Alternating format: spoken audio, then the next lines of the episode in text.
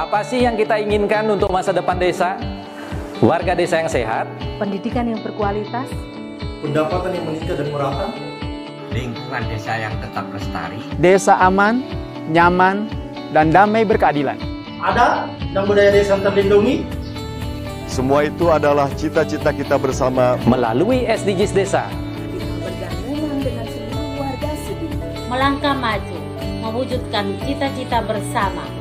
Desa-desa di Indonesia telah menapaki kemajuan. Butuh yang tetap terjaga. Fasilitas di desa semakin baik, pendidikan dasar mencukupi. Akan tetap kita tidak boleh lengah, sebab masih banyak tantangan yang menghadapi. Pengangguran pemuda desa Pengangguran harus pemuda diatasi. desa harus diatasi.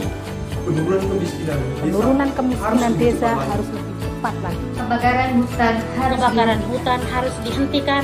Kekerasan terhadap perempuan Kekerasan harus terhadap dihilangkan. perempuan harus dihilangkan. Pekerjaan-pekerjaan yang belum usai ini. Kini harus kita tuntaskan. Jadi, mari berdiri Mari berdiri Mari berdiri Mari berdiri sebaris, berjajar bergandengan tangan, melukis kuntul baris. mewujudkan cita-cita kita bersama. dan pastikan Tidak ada satupun warga desa yang tertinggal di belakang. Mari membangun Indonesia dimulai dari desa. 18 tujuan untuk mewujudkan desa yang lebih baik.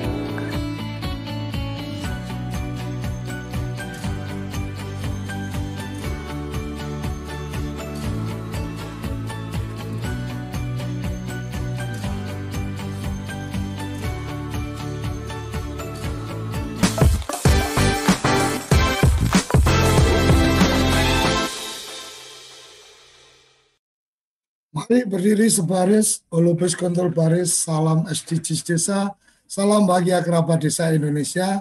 Memulai Senin pagi ini kita eh, sudah mempersiapkan teman-teman sudah apa dari SDGs Center ITS.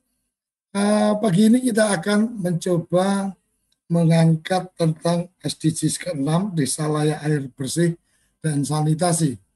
Uh, kita ingin uh, melihat bahwa ketika semangat membangun desa dengan badan usaha milik desa, kemudian PP-nya juga baru saja apa dipublish walaupun disahkannya mungkin sudah beberapa uh, waktu yang lalu.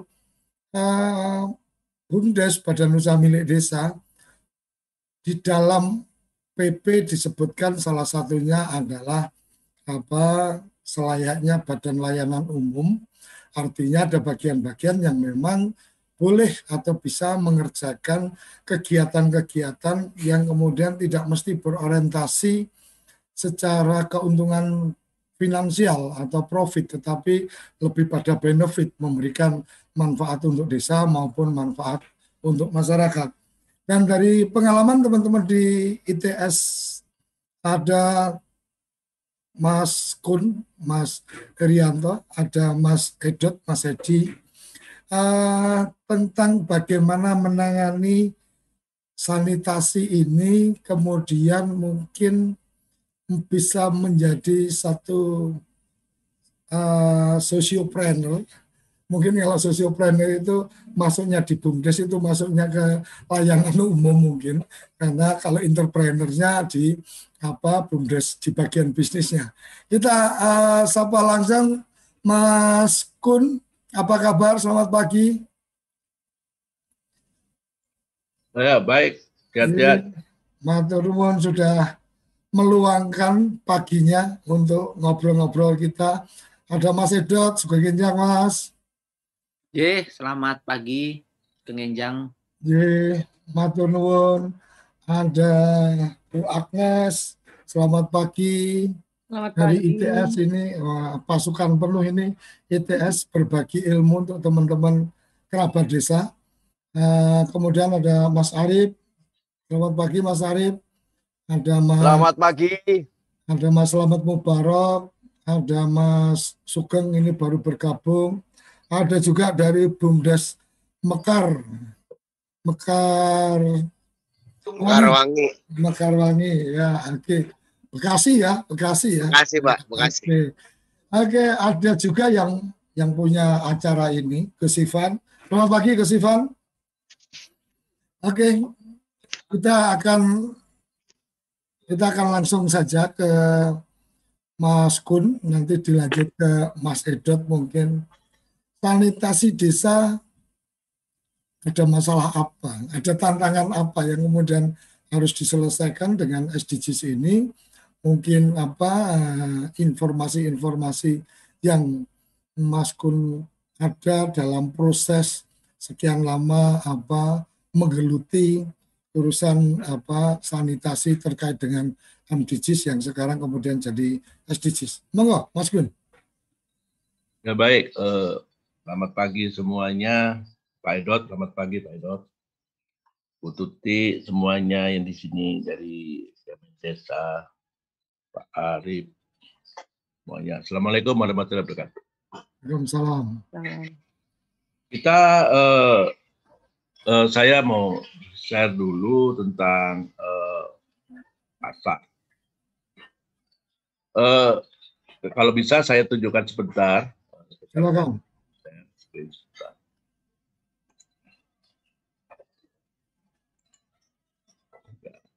Saya juga kenalin ini logo saya.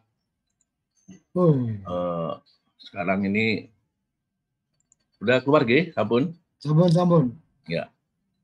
Eh, saya usaha sebetulnya tidak tidak di bidang eh, jamban. Eh, tahun 2000 saya bisnis my life.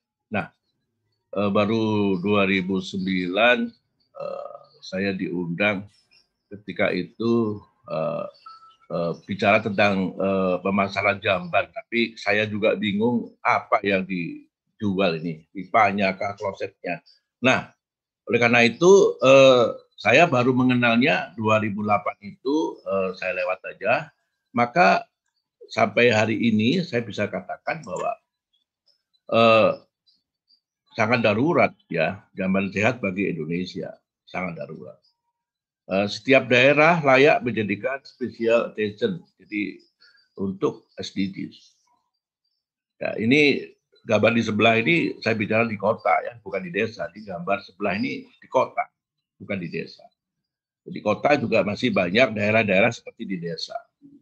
Uh, saya sependapat atau ingin melurus uh, atau yang dimaksud desa adalah jangan jangan hanya desanya, tapi kota itu juga bagian daripada desa.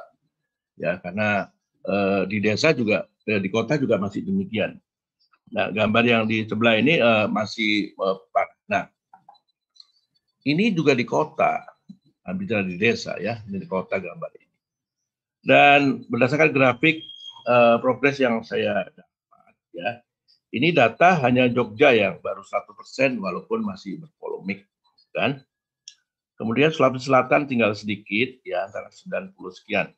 Nah, saya bicara Jawa Timur. Nah, ini secara secara uh, secara uh, total bahwa Indonesia masih banyak membutuhkan uh, sebuah penanganan secara khusus. Mungkin mereka-mereka yang peduli.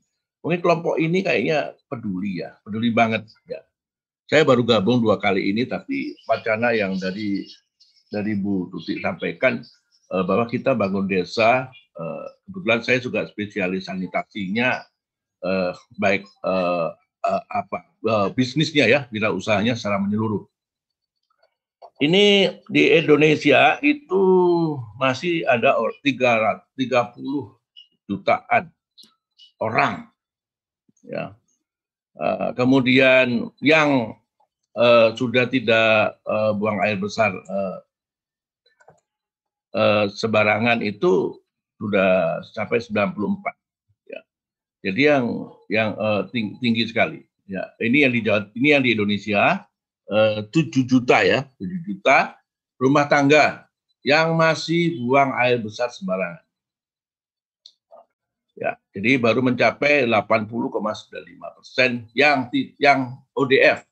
ODF itu artinya Open Defecation Free yang disebut dengan stop buang air besar. Jadi sudah tidak buang air besar sembarangan. Ini saya bilang contoh di Jawa Timur sama Surabaya aja. Nah, di Jawa Timur sendiri masih 688 kepala keluarga ya kepala keluarga.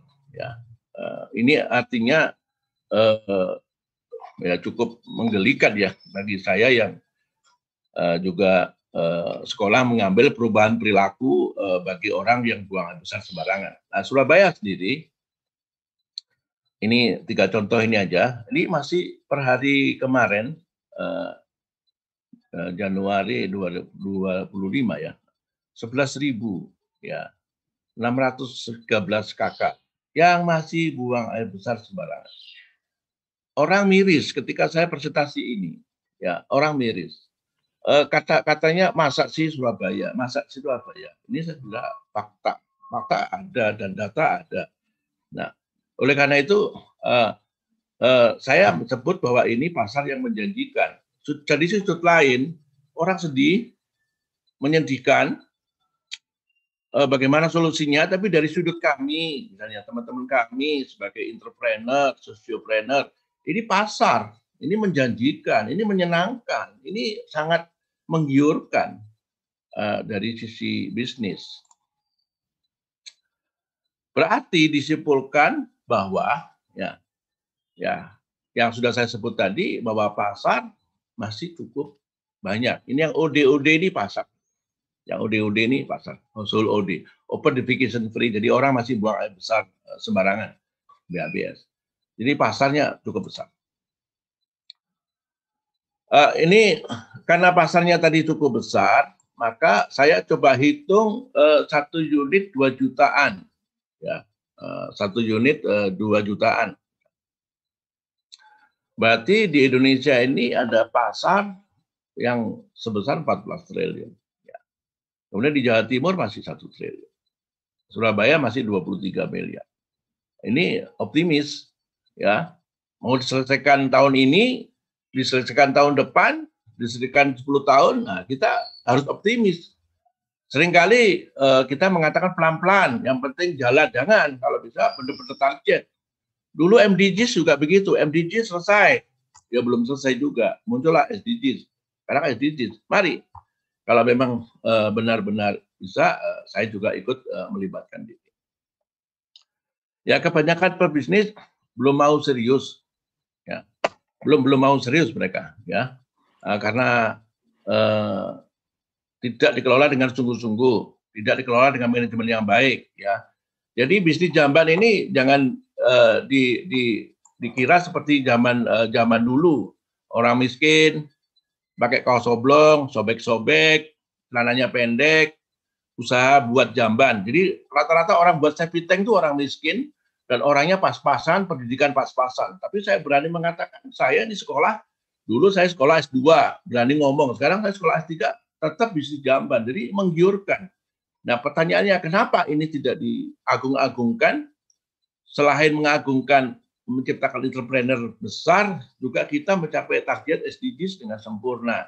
Nah ini yang mungkin uh, perlu dibicarakan dengan secara khusus. Namun sering kali bicara tentang anggaran, anggaran nggak ada. Nah, padahal kita tidak perlu bicara anggaran. Carilah orang-orang yang atau didiklah orang-orang, bentuklah orang-orang, jadikanlah orang-orang binalah orang-orang yang ingin memiliki usaha. Ya. Nah, kalau saya sejak tahun 2008, 9, ya dengan Bu Tuti, dengan Pak Edot, ya kita dulu sama-sama ke bawah. Akhirnya beliau-beliau juga sibuk, Bu Tuti sudah jadi uh, Bu Menteri, staf menteri lah, ya staf ahli. Pak Edot juga sibuk dengan kampusnya. Uh, saya lanjutkan dengan uh, bisnis ini. Nah, bisnis yang saya lakukan dengan sungguh-sungguh dan serius ini ya kita coba bayangkan memandang bahwa ini orang miskin yang kita layani. Jadi sampai hari ini bisnis saya adalah melayani orang miskin membayar dengan cara cicilan tanpa agunan. Siapa yang berani berisiko? Kalau bank, eh, kalau nanti mengarah ke bank silakan ya saya pancing di perbankan nanti Nah, kalau kalau kami tidak ada rasa macet, tidak pernah merasakan bahwa cicilan mereka macet orang miskin. Namun mundur. Bagi saya mundur tidak masalah. Yang penting saya bisa bayar cicilan saya ke bank. Eh, ini singkat-singkat saja. Eh, pandemi ini pun kami masih sosialisasi ya. Jadi jangan dibatasi oleh pandemi. Pandemi jangan. Ini saya juga masih sosialisasi dengan jaga jarak. Ya, ini kami lakukan, uh, saya lakukan di uh, Cilacap, eh maaf Pacitan. Pacitan yang sudah disebut ODF juga masih membutuhkan pelatihan-pelatihan seperti ini. Ini saya di masjid presentasinya karena luas daripada di Pak. Di sebelah kiri ini ibu ya, di kota Surabaya, ya, rumahnya kebanjiran. Bagaimana septic tank ini supaya tidak kebanjiran, maka ditinggikan. Ya. Ini saya lewat aja karena nanti Pak Edot yang memberikan materi jamban. Sekarang menurut saya ya bisnis yang menarik bagaimana bisa membangun uh, kapasitas usaha ya dalam bidang ini yang agak sedikit lama saya. Peran sektor uh, dalam bisnis uh, sanitasi harus bersinergi. Ya, ini sinergi.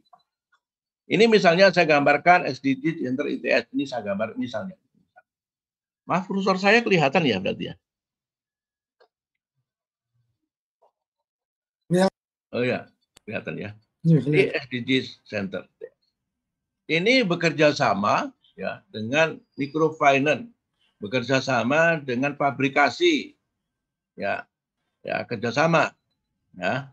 Nah, kemudian setelah hasil kerjasama ini, ya SDG Center ITS ya langsung ya mencari orang-orang yang mampu mengoperasionalkan uh, jadi seorang pengusaha. Ini contohnya BCQ ya, saya misalnya ini. Di uh, uh, karena SDG Center linknya banyak ya, misalnya ke pemerintah, ke CSR, uh, dia bisa melatih, membentuk, membina uh, para operasional sanitation uh, entrepreneur di lapangan, ya berbagai daerah, ya bisa bisa juga. Nah, karena kerjasama dengan microfinance, maka microfinance akan memberikan akses untuk financing, misalnya pinjaman, ya bagi mereka yang kekurangan modal. Nah, aplikasi ini uh, untuk uh, apa ya stok atau bahan-bahan yang ya bisa eh, diskon ya kalau beli banyak harganya lebih murah. Nah saya selama ini ya ini saya langsung pergi di pabrik beli satu truk, pipa beli dua truk, kloset saya beli seribu. Nah, pasal di pasar kloset itu harganya 150, saya hanya beli 80 ribu. nah selesai ini kan lumayan ya, ini memang harus digarap secara. Nah, kemudian uh, operasional atau pengusaha ya lokal ya, ini dia bisa kerjasama dengan lokal retail ya misalnya barang-barang yang tidak di stok eh, harga murah misalnya eh, apa namanya lem atau pasir ya ini bisa beli di lokal eh, lokal retail ya karena pasir susah ya kalau di di apa di stok ya, di atas misalnya Nah kita juga kerjasama bermitra dengan sales agent. Kita punya sales agent. Saya punya sales agent. Ya, lokal retail juga saya punya. Ya, uh, kader. Kita kerjasama dengan kader. Kader di lokal di mana di bawah puskesmas. Puskesmas punya data, jadi kita bisa punya kerjasama dengan mereka. Bagaimana model kerjasamanya? Ya ini semua tergantung strategi komunikasi atau approaching pada mereka. Nah, ini dengan bisa minta advice, ya bisa eh, negosiasi atau bisa diskusi. Kemudian tidak lebih dan lain adalah kita juga harus mengelola uh, tukang. Tukang ini ada ada manajemen tukang. Tukang kalau enggak ya lari-lari pak. Kerja sekarang lari, besok pindah. Nah, kita harus jamin bahwa tukang ini kerja terus di sini. Nah ini yang susah. Seringkali pengusaha itu gagal karena tidak bisa mengelola tukang dengan baik tukang kalau hanya di freelance mereka akan cenderung lari. Nah ini bagaimana uh, solusinya? Ini yang saya naik ke atas uh, pengusaha lokal Operation Sanitation of Entrepreneur ini ini harus kerjasama dengan subdistrik, kelurahan, kecamatan, ya dengan puskesmas setempat, ya dengan tokoh-tokoh masyarakat, dengan uh, para CSR setempat, ya, barangkali ada tambahan. Ya ini ini uh, ya uh, kita saya lakukan. Kemudian tukang mengeksekusi. Nah, tukang ini juga harus training, harus dilatih. Maka pengusaha ini juga harus memiliki kapasitas uh, kemampuan ya baik tidak hanya pengetahuan ya tidak hanya skill juga attitude-nya. Dia ini harus benar-benar kayak buka toko di TP kayak buka toko rumah makan jam sekian buka jam sekian tutup. Ya bukan seperti perusahaan individu. Saya sesukanya dia tidak bisa. Ya saya sampai hari ini masih berdiri tegak kantor saya. Ya masih peralatan masih eh, tukang-tukang saya masih administrasi saya masih. Nah, oleh karena itu kalau bisa nanti kan ada tamu. Nah, pengusaha yang berhasil mesti ada tamu sebagai contoh. Misalnya sebagai contoh yang lain dari pemerintah dari kementerian nah, seperti saya juga dari beberapa tamu dari luar negeri ya dari Australia ya dari Amerika. Ya, mereka malah buat buku untuk saya. Ya kenapa mau kasih cicilan tanpa agunan bagi orang miskin ya mengerikan ya. Saya juga lobby istri saya juga gak gampang karena rumahnya harus digadekan ya. Jadi digadekan dan uangnya harus dikembalikan dengan cicilan. Ya terima kasihlah ya istri saya yang baik. Kemudian target yang paling akhir adalah pelanggan household. Ini juga ada jalur khusus kalau mikro ini mau membiayai, mikro ini mau membiayai rumah tangga. Wah keren. Ini kalau mikro ini mau membiayai rumah tangga, nyicilnya keren. Berarti uang tunainya diterima oleh pengusaha lokal. Ini keren. Ini, ini, ini. Tapi ini jarang. Nah, saya pernah dan ada yang melakukan hal ini. Beberapa lembaga lembaga internasional membuka di di Indonesia dengan lembaga uh, lokal. Ya, ya. ya namun mendapatkan yang ini lembaga mikro yang membiayai. Bagaimana? Mas Kun pernah punya pengalaman ada lembaga keuangan yang membiayai? Ada, ada BRI, ada koperasi, ya ada, ada nanti bisa diceritakan, ada pengalaman. Dan itu tertuang dalam MOU dan bukti-buktinya masih saya simpan, ya masih ada. Uh, saya ikut tanda tangan juga karena saya saya juga pernah melayani kota Jombang itu saya biayai. Ya. Jadi saya biayai kota Jombang dengan dana saya taruh di sana 100 juta di Kabupaten Jombang eh, karena saya juga ingin eh, mengangkat teman-teman wirausaha di sana. Uang 1 juta saya taruh di bank, Bank Jombang dan bank, bank uang uang ini didepositokan dan Bank Jombang memberikan cicilan kepada eh, wirausaha setempat dan uang saya utuh. Namun ketika mereka macet uang saya baru diambil. Dipotongin. Artinya menempatkan dana untuk jaminan jaminan jaminan ketika apa teman-teman apa konsumen ini kemudian melakukan kredit tanpa bunga gitu. Oh, kreditnya tetap bunga, kalau, Pak. Kalau kalau di, tetap di perbankan tetap ada ininya ya. Oke, oke. Hanya tanpa jaminan berarti ya. Kalau ya, di ya. perbankan ya. Oke. Ya, jadi jadi mereka tanpa jaminan. Tapi kalau uh, yang dilakukan sekarang tanpa bunga, tanpa jaminan itu uh, kalau pelanggan tidak memberikan apa pun BPKB, enggak, enggak ada, karena sudah ada penjara. Saya ke sedikit, tinggal sedikit ini. Jadi bahwa ya wirausaha eh, sanitasi ini sebetulnya dia memang seperti pengusaha-pengusaha yang lain ya. Nggak usah khawatir. Seringkali orang khawatir. Pasarnya nggak ada. Berarti dia tidak bisa bersinergi dengan yang lain. Eh, kemudian apa namanya eh, ordernya eh, susah Mungkin kita tinggal menggugah ya pemerintah, CSR atau bapak-bapak yang ada di sini sangat peduli. Jadi kalau bisa bukan untuk sayanya, tapi untuk saya-saya yang ada di tempat yang lain.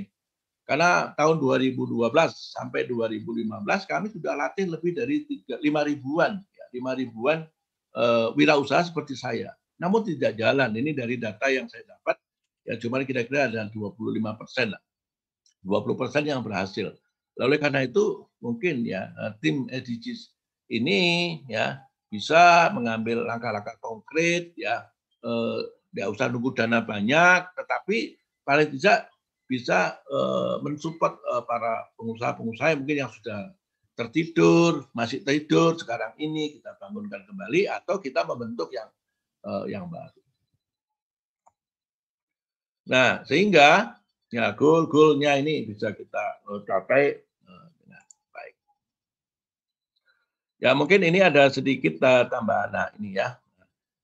Jadi uh, sasaran uh, atau rencana kita, rencana kita, rencana sasaran kita itu rumah tangga, sasaran utama ya rumah tangga. Yang kedua kita sasaran kita adalah pengusaha. Uh, pengusaha yang baru kita bentuk, yang sudah ada kita tingkatkan kapasitasnya. Agar dia bisa menjalankan bisnis. Nah, karena pengusaha itu macam-macam ya. Nah, kita bisa mencari pengusaha konstruksi di sektor sanitasi skala mikro. Ini kita sebut konstruksi ya. Karena biasanya kalau di desa itu pemborong lah gitulah. Pemborong ya kita ajari pengusaha konstruksi di sektor sanitasi skala kecil menengah. Ya mungkin eh, pemborong yang besar atau yang dia dia tidak spesialisasi di jamban. Jadi kalau mau spesialisasi di jamban, Kemudian juga pengusaha atau lembaga keuangan mikro di lokal. Koperasi itu duitnya banyak, kenapa nggak diputar? Mungkin dari desa sendiri ada dana desa. Kenapa dana desa sendiri tidak uangnya bukan bukan dikeluarkan gratis begitu aja, tapi dikelola sehingga dari masyarakat untuk masyarakat ya. Jadi uangnya dikelola terus menjadi bola salju bergulir eh, ya mereka tetap bayar ya. Apakah mau budaya bangsa kita ketika tahu ini dana desa terus dia suruh bayar, ini juga perilaku yang eh, khusus harus ditangani. Kemudian eh, Kemudian eh, pengusaha di sektor lain yang melengkapi bisnis sanitasi yang dipilih banyak ya. Mungkin eh, apa namanya eh, eh, warung setempat ya. dan dan yang ketiga yang penting itu juga tukang yang ahli dilatih ya dibentuk dulu dilatih dulu ya. Mereka bisa menjadi mediasi mediator ya bisa menjadi komunikator ya. Jadi antar uh, rumah tangga dan pengusaha. Jadi bukan tukang yang melulu tidak bisa bicara. Jadi kita memang uh, latih. Uh, yang nomor dua dan nomor tiga ini harus memahami kita harus memahami peluang pasar ini ya. Di pasar yang melimpah ya uh, di daerah-daerah saya kira saya kira itu uh, dari saya mungkin uh, dan mungkin Ya ini juga beberapa kegiatan terakhir tahun 2002 pandemi ini ya pandemi ya pandemi ya. Kita juga membuat uh, uh, sarana replikasi kita juga ke lapangan ya kita juga membuat pelatihan pelatihan pelatihan ini nah setelah itu kita harus monitoring mereka ya setelah dilatih kita monitor tidak bisa dilepas begitu aja ya kita monitor kita latih nah mungkin kami juga menyediakan cetakan-cetakan karena membuat jamban itu, Pak, cuma satu hari selesai. Ya, tidak berminggu-minggu seperti Bapak bayangkan. Ya, satu hari dijamin selesai. Ya, menggalinya, nyetak sepitengnya, nyetak resapannya, masang klosetnya, dudukannya kloset dan klosetnya juga dari keramik yang bagus ya ini bisa. Dan di gambar ini eh, ini cetakan-cetakan yang memang saya suplai ke beberapa provinsi. Eh, seperti Jogja itu kemarin saya ngirim kurang lebih 300 set, 300 set. Jogja yang sudah ODF, Jogja yang sudah tidak butuh sentuhan eh, apa disebut masih buang air besar Jogja kan sudah tidak ada. Namun mereka memperbaiki, mengimprove, mengimprove eh, kualitas-kualitas yang yang ada. Maka mereka juga 300 set ini cetakan, Mas. Ini cetakan ini, cetakan. Jadi cetak ini bisa dipakai terus menerus. Hmm. Nah, sebagai jejaring pasar di grup ini, ya, eh, andekan, andekan ini ingin mempercepat di desa itu segera ODF, tidak eh, bebas dari buang air besar sembarangan. Maka setiap desa punya cetakan ini clear, karena ini bisa berjalan sendiri, ya bisa berjalan uh, dengan uh, apa pemberdayaan masyarakat yang ada di sana, ya dilatih beberapa orang terus dia bisa membangun di desa sendiri. Jadi nggak usah Bangun itu nggak usah Indonesia, bangun nggak usah Surabaya. Tapi kalau bisa bangun di setiap RT-nya atau kalau di desa ya setiap desanya atau dusunnya. Kalau fokus di situ pelan-pelan, saya kira bisa. Tapi kalau bunyi Indonesia kayak tadi, bunyi Jawa Timur ya kayak tadi. Kita mestinya uh, mulai dari yang kecil. Nah, replikasi kata-kata kecil yang mulai dari yang kecil ini, ini kemarin saya dapatkan dari Bapak Menteri ya, Bapak Andri Alim Kander kemarin kan ikut uh, mengisi materi seminar tentang kampus uh, bangun uh, desa. Ya, cuman tidak disebut tentang uh, jambannya ya, memang tidak ada jamban. Itu hari Jumat kemarin jam 2. Nah, oleh karena itu uh, saya pikir uh, saya bangga banget ya, saya senang banget terima kasih Bu Tuti dan Pak Edot dan tim ini bahwa masih ada yang mau peduli tentang jamban dari sisi pasar, dari sisi marketnya.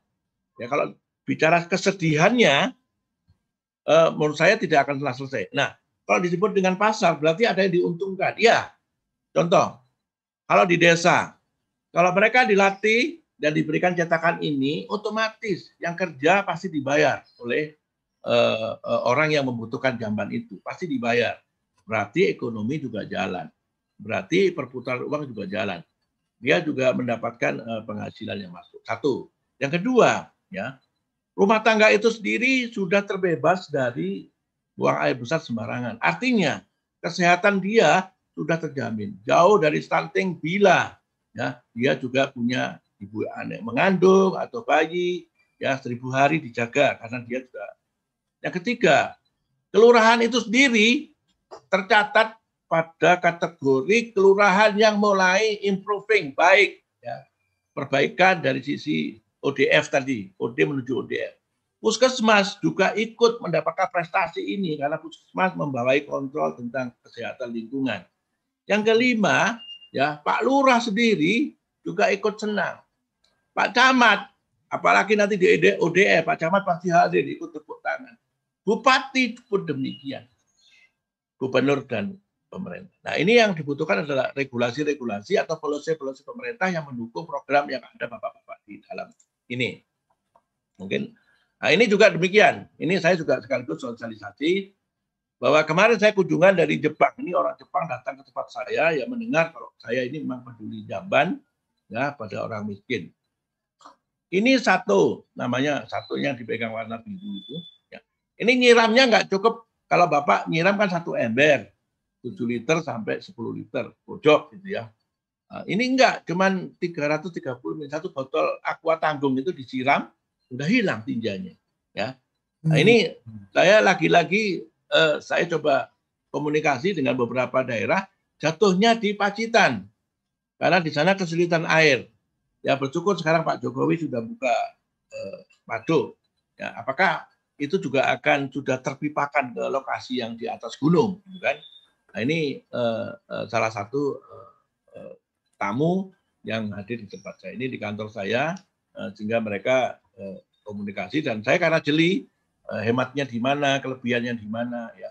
Ya walaupun terbuat dari plastik, tapi plastik ini uh, ya mungkin licin banget ya. Mungkin itu.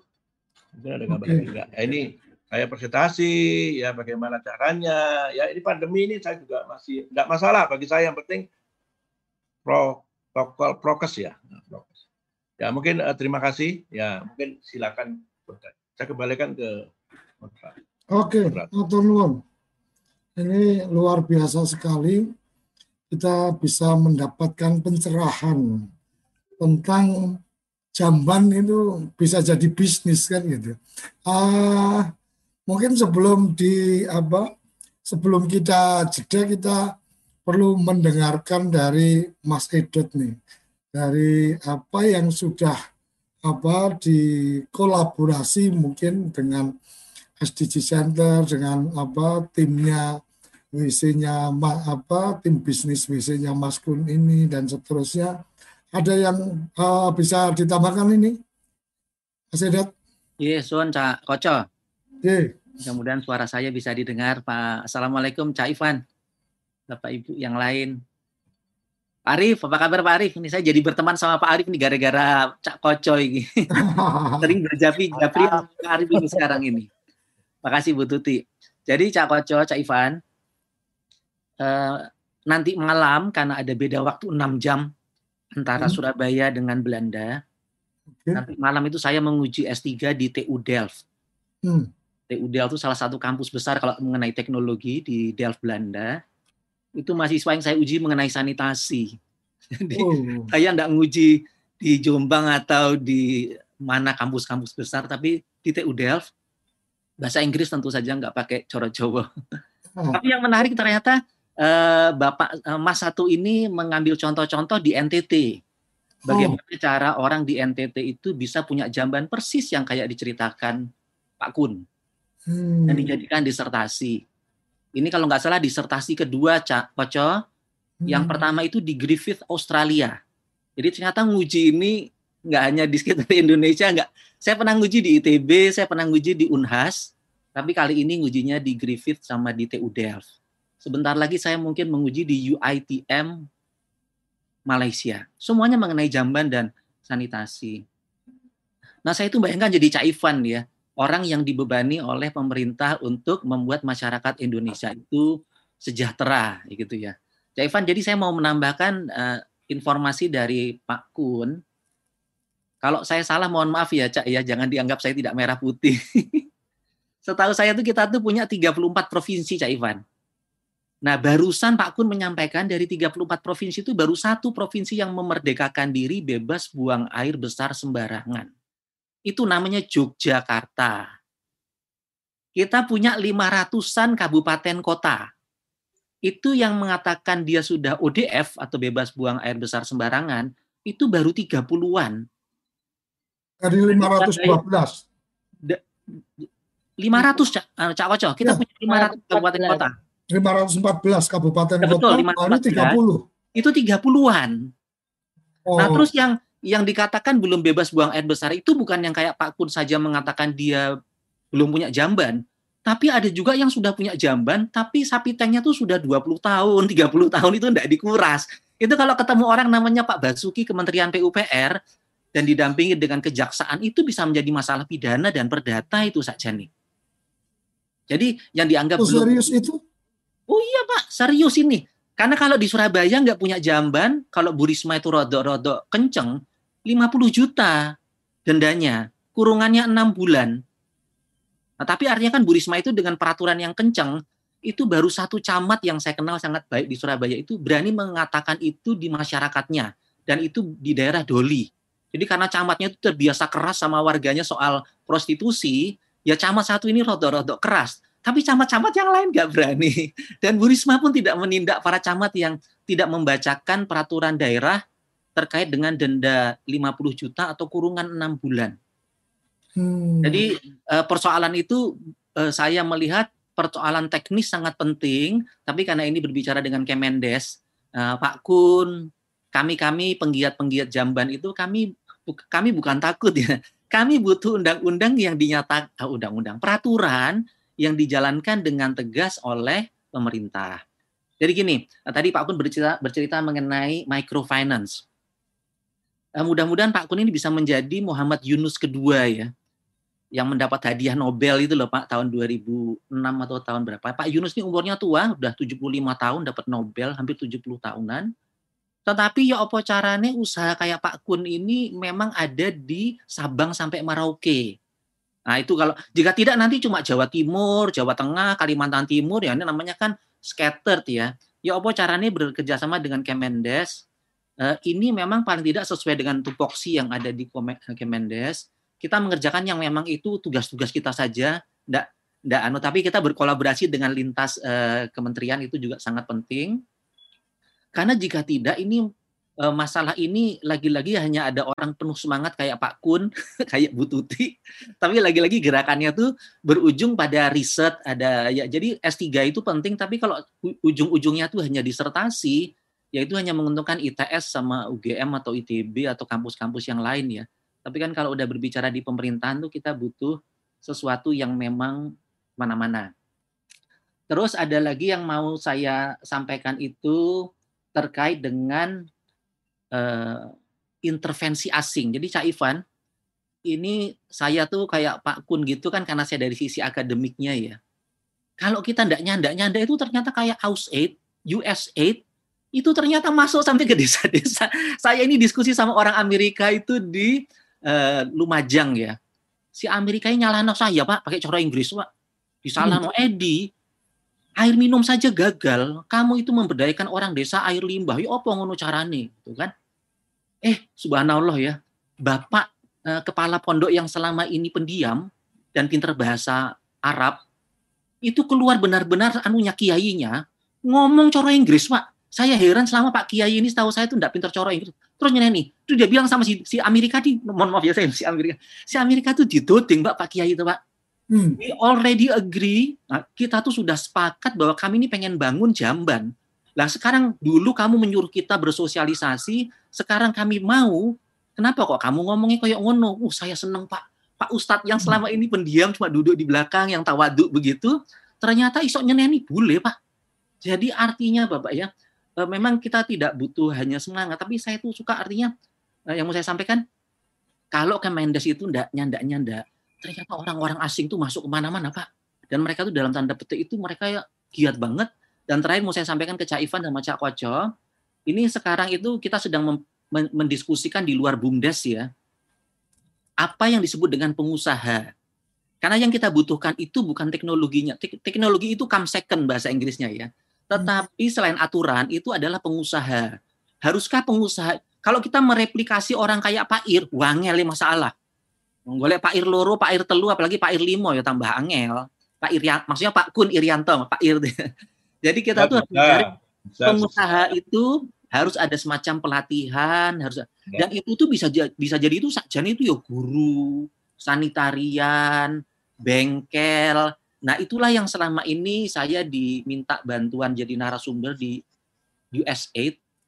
What is called by entrepreneur. Karena bagaimanapun juga, selain ada sosiopreneur, mudah-mudahan memang ini entrepreneur, Pak. Memang sesuatu yang memang menguntungkan. Saya rasa itu yang mau saya sampaikan, Cak Waca, Matur Nuwun. Oke, Matur Nuwun sekali. Tambahan luar biasa. Jadi ada beberapa clue yang nanti saya ingin apa komentari dan saya yakin ini menjadi momentum yang sangat bagus ketika ada bagian bahwa oh ibarat kata kalau pengusaha melihat orang nggak pakai sepatu itu ya karena kebiasaan nggak pakai sepatu nggak pakai sandal tetapi seperti Mas Kun ini lebih melihat bahwa orang yang nggak pakai sepatu nggak pakai sandal itu berarti potensi bisnis untuk bagaimana mereka jadi terbiasa pakai sepatu pakai sandal dan kita yang memproduksi sepatu dan sandalnya kan kira-kira kayak gitu. Oke, uh, kita kerabat desa jangan ke mana-mana. Ini kewajiban saya untuk kemudian ada jeda uh, sebelum kita masuk di sesi berikutnya. Tetap di sarapan SDGs Desa bersama Pus uh, bersama Pusdatin Kementerian Desa. Kamu tinggal di pulau terpencil pegunungan pinggiran kota, atau daerah di Indonesia yang tidak terjangkau jaringan fiber, ADSL, dan juga 3G. Internetan dengan cepat pasti cuma akan menjadi mimpi. Mau pakai tol langit, pakai desa wifi, kunjungi www.desawifi.id. Apa sih yang kita inginkan untuk masa depan desa? Warga desa yang sehat, pendidikan yang berkualitas, pendapatan yang meningkat dan merata, lingkungan desa yang tetap lestari, desa aman, nyaman, dan damai berkeadilan. Ada dan budaya desa yang terlindungi. Semua itu adalah cita-cita kita bersama melalui SDGs Desa. Satu, desa tanpa kemiskinan. Dua, desa tanpa kelaparan. Tiga, Desa sehat sejahtera. 4. Pendidikan desa berkualitas. 5. Keterlibatan perempuan desa. Desa layak air bersih dan sanitasi. 7. Desa berenergi bersih dan terbarukan. 8. Pertumbuhan ekonomi desa merata. 9. Infrastruktur dan inovasi desa sesuai kebutuhan. 10. Desa tanpa kesenjangan. 11 kawasan permukiman desa aman dan nyaman. 12. Konsumsi dan produksi desa sadar lingkungan. 13. Desa tanggap perubahan iklim. 14. Desa peduli lingkungan laut. 15. Desa peduli lingkungan darat. 17. Kemitraan untuk membangun desa. 18. Kelembagaan, desa dinamis, dan budaya desa adaptif.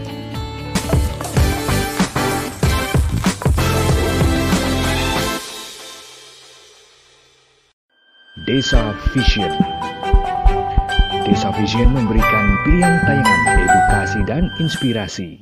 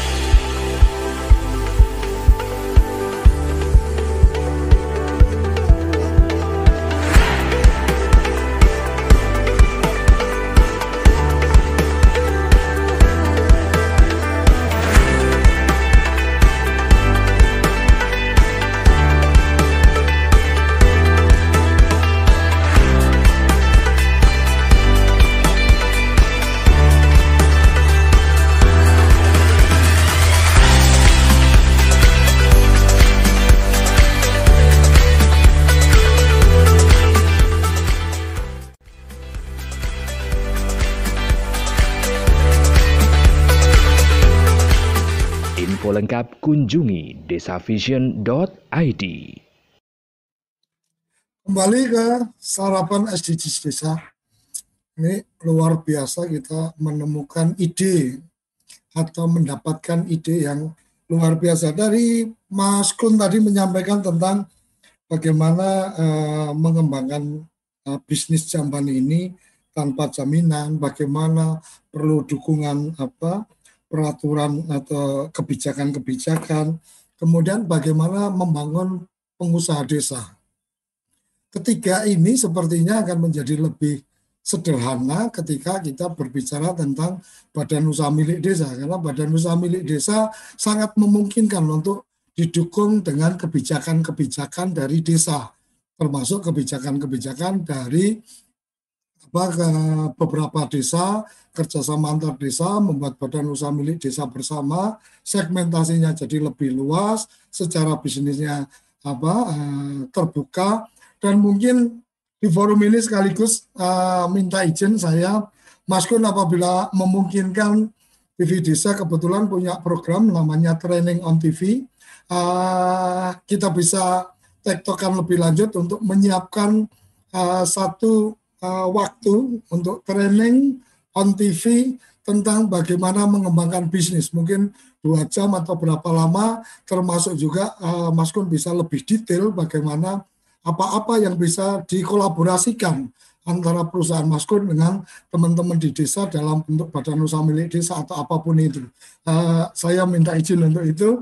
Uh, semoga bisa apa bisa kita kerjakan dan uh, yang menarik dari Mas Edo tadi tentang intervensi asing ini menarik juga karena ada kemandirian atau ada apa harus uh, kita bersama-sama membangun kesadaran bahwa memang uh, apa teman-teman di desa itu punya cukup otoritas untuk mengatakan ya ini pekerjaan saya dan akan saya selesaikan. Ente cukup jadi apa memberikan nasihat dan seterusnya tanpa harus kemudian terlalu jauh me, apa melakukan intimidasi terhadap kita karena oh kamu belum bisa gini, oh kamu belum bisa begini dan seterusnya. Kesempatan untuk uh, Gus Ivan ini untuk kemudian apa dari apa yang tadi disampaikan mungkin kemudian terpikir ide atau terpikir uh, program dari Kementerian Desa yang kemudian itu kemudian menjadi aplikatif real mudah dipahami dan mudah dieksekusi. Karena kadang-kadang aturan-aturan yang apa uh, sepertinya ingin menggapai langit ini kalau kita tidak apa down to account atau kita tidak injakkan ke bumi nanti hanya sekedar kumpulan-kumpulan harapan dan mimpi. Silakan Gus Iwan. Terima kasih Gus Koto. Wah, hebat ini. Pak Kun, terima kasih sudah hadir di sini. Uh, Pak Edot memang selalu komentarnya memang selalu menarik ya. Bu Tuti, saya Bu Agnes kali ini kita panggil Bu Tuti karena yang lain. Kalau Mas Kur memperkenalkan Bu Tuti, jadi ikut Bu Tuti ini kita. Tapi sambil kita berdoa untuk Prof. Yoyon yang saat ini ada di oh, iya, iya. di Jakarta, semoga segera pulih kembali.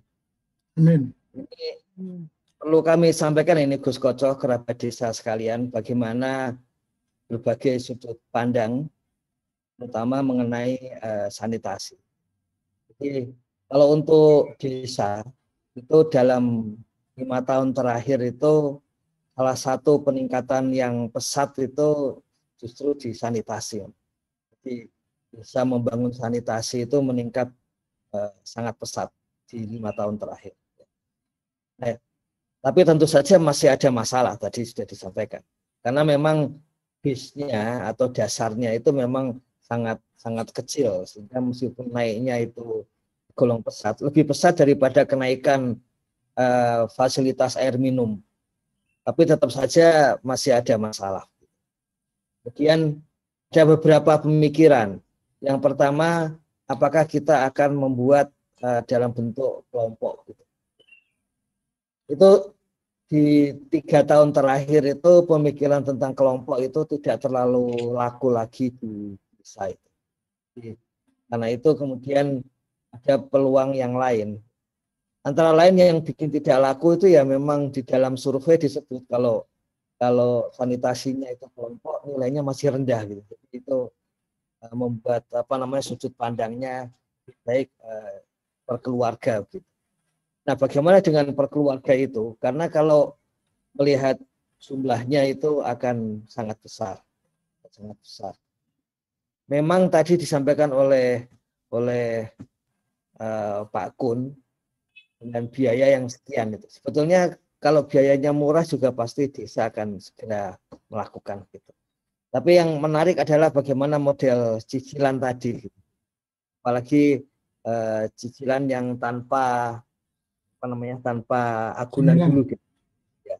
Sebetulnya yang menjamin jadinya memang kita. Ya, nggak nggak masalah kalau yang menjamin misalnya bumdes atau pemerintah desa menggunakan dana desa, ini nggak masalah juga memang ada persoalan kalau dana desa itu digunakan untuk individu itu kalau sampai pemerintah desa diadukan begitu sering kali kalah itu maka salah satu caranya memang harus lewat begitu individu itu Gus Menteri menyampaikan lewat bumdes saja ya kalau bumdes boleh gitu sehingga pemerintah desa tidak akan terkena masalah sehingga itu salah satu caranya di tahun 2021. Nah, di masa lalu itu sempat juga dua tahun yang lalu pemikirannya adalah kita bereskan ekonomi, kemudian setelah ekonomi beres, eh, warga desa nanti akan kepingin untuk sekolah lagi, kemudian setelah ekonomi beres mereka juga akan merasa tidak cocok dengan pola sanitasi yang belum ODF gitu. Jadi ingin mendekati lewat cara itu. Nah mungkin tetap kembali ke yang awal Gus Koco yang tadi sampaikan oleh Pak Kun itu bagaimana cara mengubah uh, budayanya. Kita akan mulai dari mana? Apakah mulai dari ekonomi? Apakah mulai dari apa namanya itu uh, membuat entrepreneurnya pelatihannya mungkin sekaligus pelatihan bagaimana mengubah uh, budayanya Gus Koco? Terutama uh, ya kita belajar dari vaksin COVID lah. Sesuatu yang mestinya berguna kalau ya kalau zaman saya yang namanya vaksin ya berguna meskipun kita tahu sekarang bahwa itu pasti soal statistik ya ada yang tidak cocok ada yang cocok. Nah sekarang itu lebih terbuka lagi yang cocok sekian tidak. Tapi uh, kita tahu masih banyak hampir kan hampir separuh yang tidak. Nah ini juga sama Pak Kun. Jadi bagaimana apa uh, sebetulnya diberi contoh Pak Kun. Yang paling sulit itu argumen apa itu dari warga itu. Kalau istilah Pak Arif kan ini gara-gara Pak Arif saya mengumpulkan banyak argumen-argumen dari desa ini untuk kemudian nanti dipakai untuk uh, apa namanya pengembangan di 2021 ini.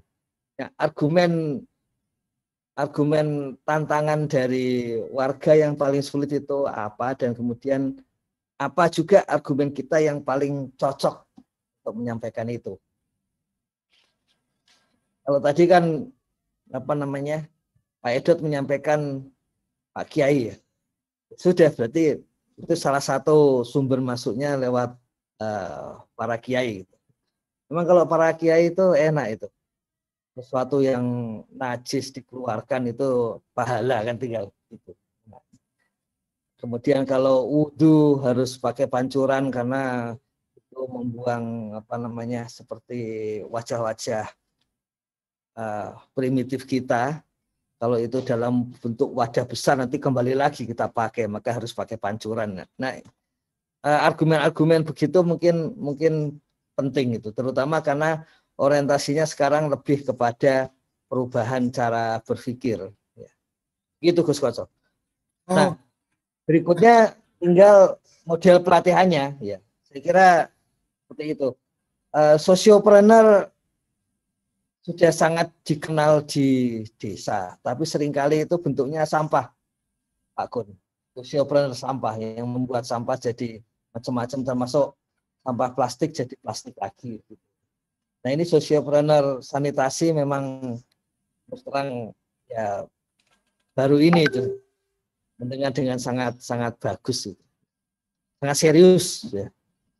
Tadi misalnya sampai mengirim apa namanya plat ke uh, model ke Jogja itu kan itu yang kita butuhkan itu.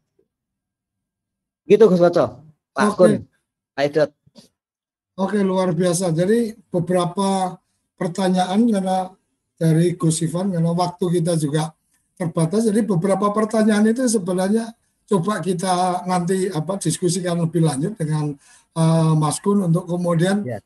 Semua itu akan terjawab dalam satu pelatihan yang di apa yang akan coba kita selenggarakan sehingga terbuka terbuka dari sisi pemerintah desa bahwa oh ini bisa menjadi peluang apa unit usaha dari badan usaha milik desa dan terbuka uh, wawasan tentang pemerintah desa bisa melakukan apa nih untuk melakukan sosialisasi, melakukan penyadaran dan seterusnya. Karena saya yakin apa yang tadi disampaikan Mas Edo tadi tentang apa uh, kebijakan dalam tanda petik itu bisa bisa jadi menjadi satu cara untuk merubah perilaku masyarakat karena uh, ketika kemudian benar-benar uh, kalau membuang sampah sembarangan itu kemudian akan apa diolok-olok dan seterusnya ya kita akan malu untuk buang sampah sembarangan mamanya atau kemudian akan mendapatkan denda dan seterusnya.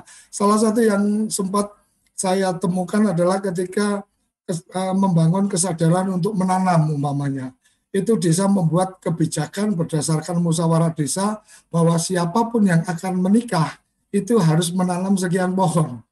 Artinya apa? Artinya kemudian, loh, ya saya mau menikah kalau nggak nggak tanam nanti nggak dapat surat, ya suka tidak suka dia menanam. Jadi memang kadang-kadang uh, perubahan perilaku harus dipaksakan.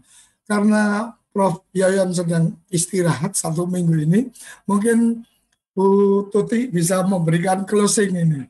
Kira-kira dari apa yang uh, sudah disampaikan Mas Kun, Mas Mas Edot dan juga Gus Ivan apa ini benang merah yang mungkin kita apa bisa dapatkan dari pertemuan pagi ini dan saya mohon maaf teman-teman yang ada di chat YouTube terima kasih ada uh, Mbah Parti yang selalu mengikuti ada Mas Taufik Hidayat ada uh, Mas Yatno, ada Mas Iwan, ada Mas Arwi, Setia Darmayati, kemudian Mas Madong, Mbak Mon, Mona Lisa, Mas Taufik. Terima kasih udah Mbak Tengku Kairul juga. Terima kasih sudah apa memberikan komentar dan mohon maaf karena waktu kita sangat terbatas jadi eh, komentar-komentar uh, itu akan kita uh, record untuk kemudian menjadi catatan untuk kita mencoba uh, me mendetailkan atau membuat uh, di sesi-sesi yang lain. Silakan Bu Tuti. Ya, terima kasih. Kami diberi kesempatan untuk promosi ini sebetulnya ya Pak, mempromosikan bagaimana metode yang kami kembangkan di ITS. Jadi ini Pak Kun ini eh, di luar yang kami apa itu namanya bayangkan sebetulnya. Karena ternyata berkembang sendiri itu. Hmm. akhirnya bisa seperti itu. Itu kan eh, dulunya kita awali dengan belajar tentang TSSM ya Pak Edot ya. Belajar ya. tentang TSSM 2008 sanitation marketing lalu dikembangkan sendiri oleh Pak Kun menjadi seperti itu. Nah kami eh, jadi eh, saya kira gini. Karena persoalan sanitasi ini persoalan yang sangat krusial karena soal kesehatan ya menyangkut soal kesehatan. Jadi dan juga menyangkut soal budaya. Itu dulu kita waktu didatangi orang apa ya Pak Edot World Bank ya kalau nggak salah. Terus kita jalan-jalan sampai ke desa-desa. Itu anak-anaknya kecil-kecil tuh bilang wah very apa dia bilang very interesting. Loh kayak gini kok interesting sih saya mangkel gitu. Anak-anak kecil tuh lihat ada tuh itu katanya interesting. Terus Nah, jadi maksud saya begini, ini persoalan yang harus segera diselesaikan karena ini termasuk di antaranya adalah jati diri bangsa kita ini ya. Kenapa sih kita kok tidak bisa menyelesaikan sanitasi secara total gitu ya? Nah, jadi saya berharap mudah-mudahan dengan Kemendes itu lalu ada gerakan yang masif untuk bagaimana membuat Indonesia itu betul-betul ODF. Nah, metodologinya sudah ada. Jadi artinya Pak Kun ini bisa menularkan ke mana-mana. Teknologinya juga Pak Edot siap untuk itu. Jadi kami sendiri sebetulnya dalam beberapa hari ini ya Pak Kun, Pak Edot ya, kita itu sudah membahas mengenai kurikulum Pak. Kurikulum untuk ini, untuk persoalan sanitasi tetapi entrepreneur. Jadi kami akan memberikan training untuk sanitasi dan bahkan eh, sesuai dengan keinginannya Pak Menteri kemarin kan gini, kalau misalnya bisa dijadikan itu apa itu namanya dijadikan eh, ada ijazahnya gitu ya. Nah kami itu ingin membuat moduler. Jadi artinya eh, modul-modul itu kita trainingkan tapi nanti digabung jadi berapa SKS gitu pak. Jadi ya jadi eh, sama-sama menyenangkan dapat duit dapat ijazah gitu ya. Dan kami sedang menyiapkan untuk itu.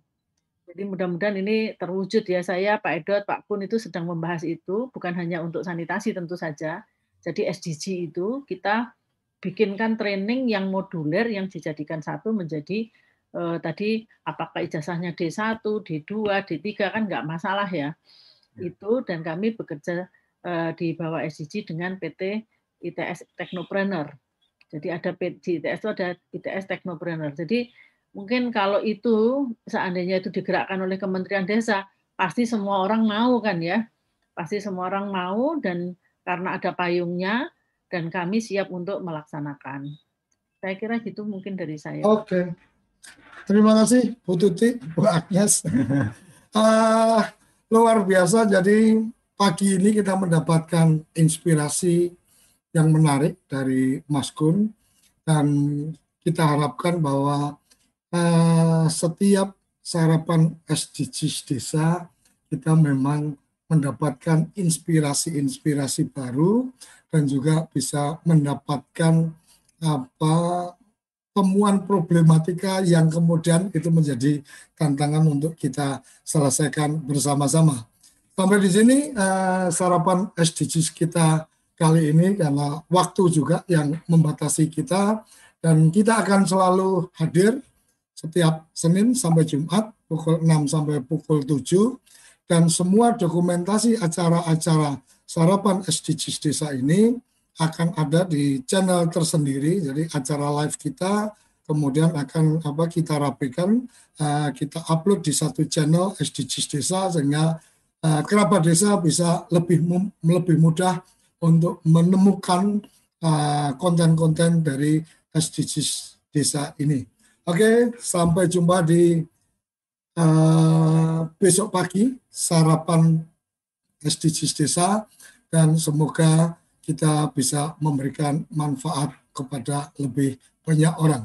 Salam bahagia kerabat desa. Salam berdiri sebaris, olubis kontur baris, salam SDGs desa. Sampai jumpa. Apa sih yang kita inginkan untuk masa depan desa? Warga desa yang sehat, pendidikan yang berkualitas, pendapatan yang meningkat dan merata, lingkungan desa yang tetap lestari, desa aman, nyaman, dan damai berkeadilan. Ada dan budaya desa yang terlindungi. Semua itu adalah cita-cita kita bersama melalui SDGs desa. Melangkah maju, mewujudkan cita-cita bersama. Desa-desa di Indonesia telah menapaki kemajuan. Gotong royong yang tetap terjaga. Fasilitas di desa semakin baik, pendidikan dasar mencukupi. Akan tetap kita tidak boleh lengah. Sebab masih banyak tantangan yang menghadang Pengangguran pemuda desa Pengangguran harus pemuda diatasi. desa harus diatasi. Penurunan kemiskinan desa, Penurunan kemiskinan harus desa harus lebih cepat lagi. Kebakaran hutan harus Kebakaran hutan harus dihentikan.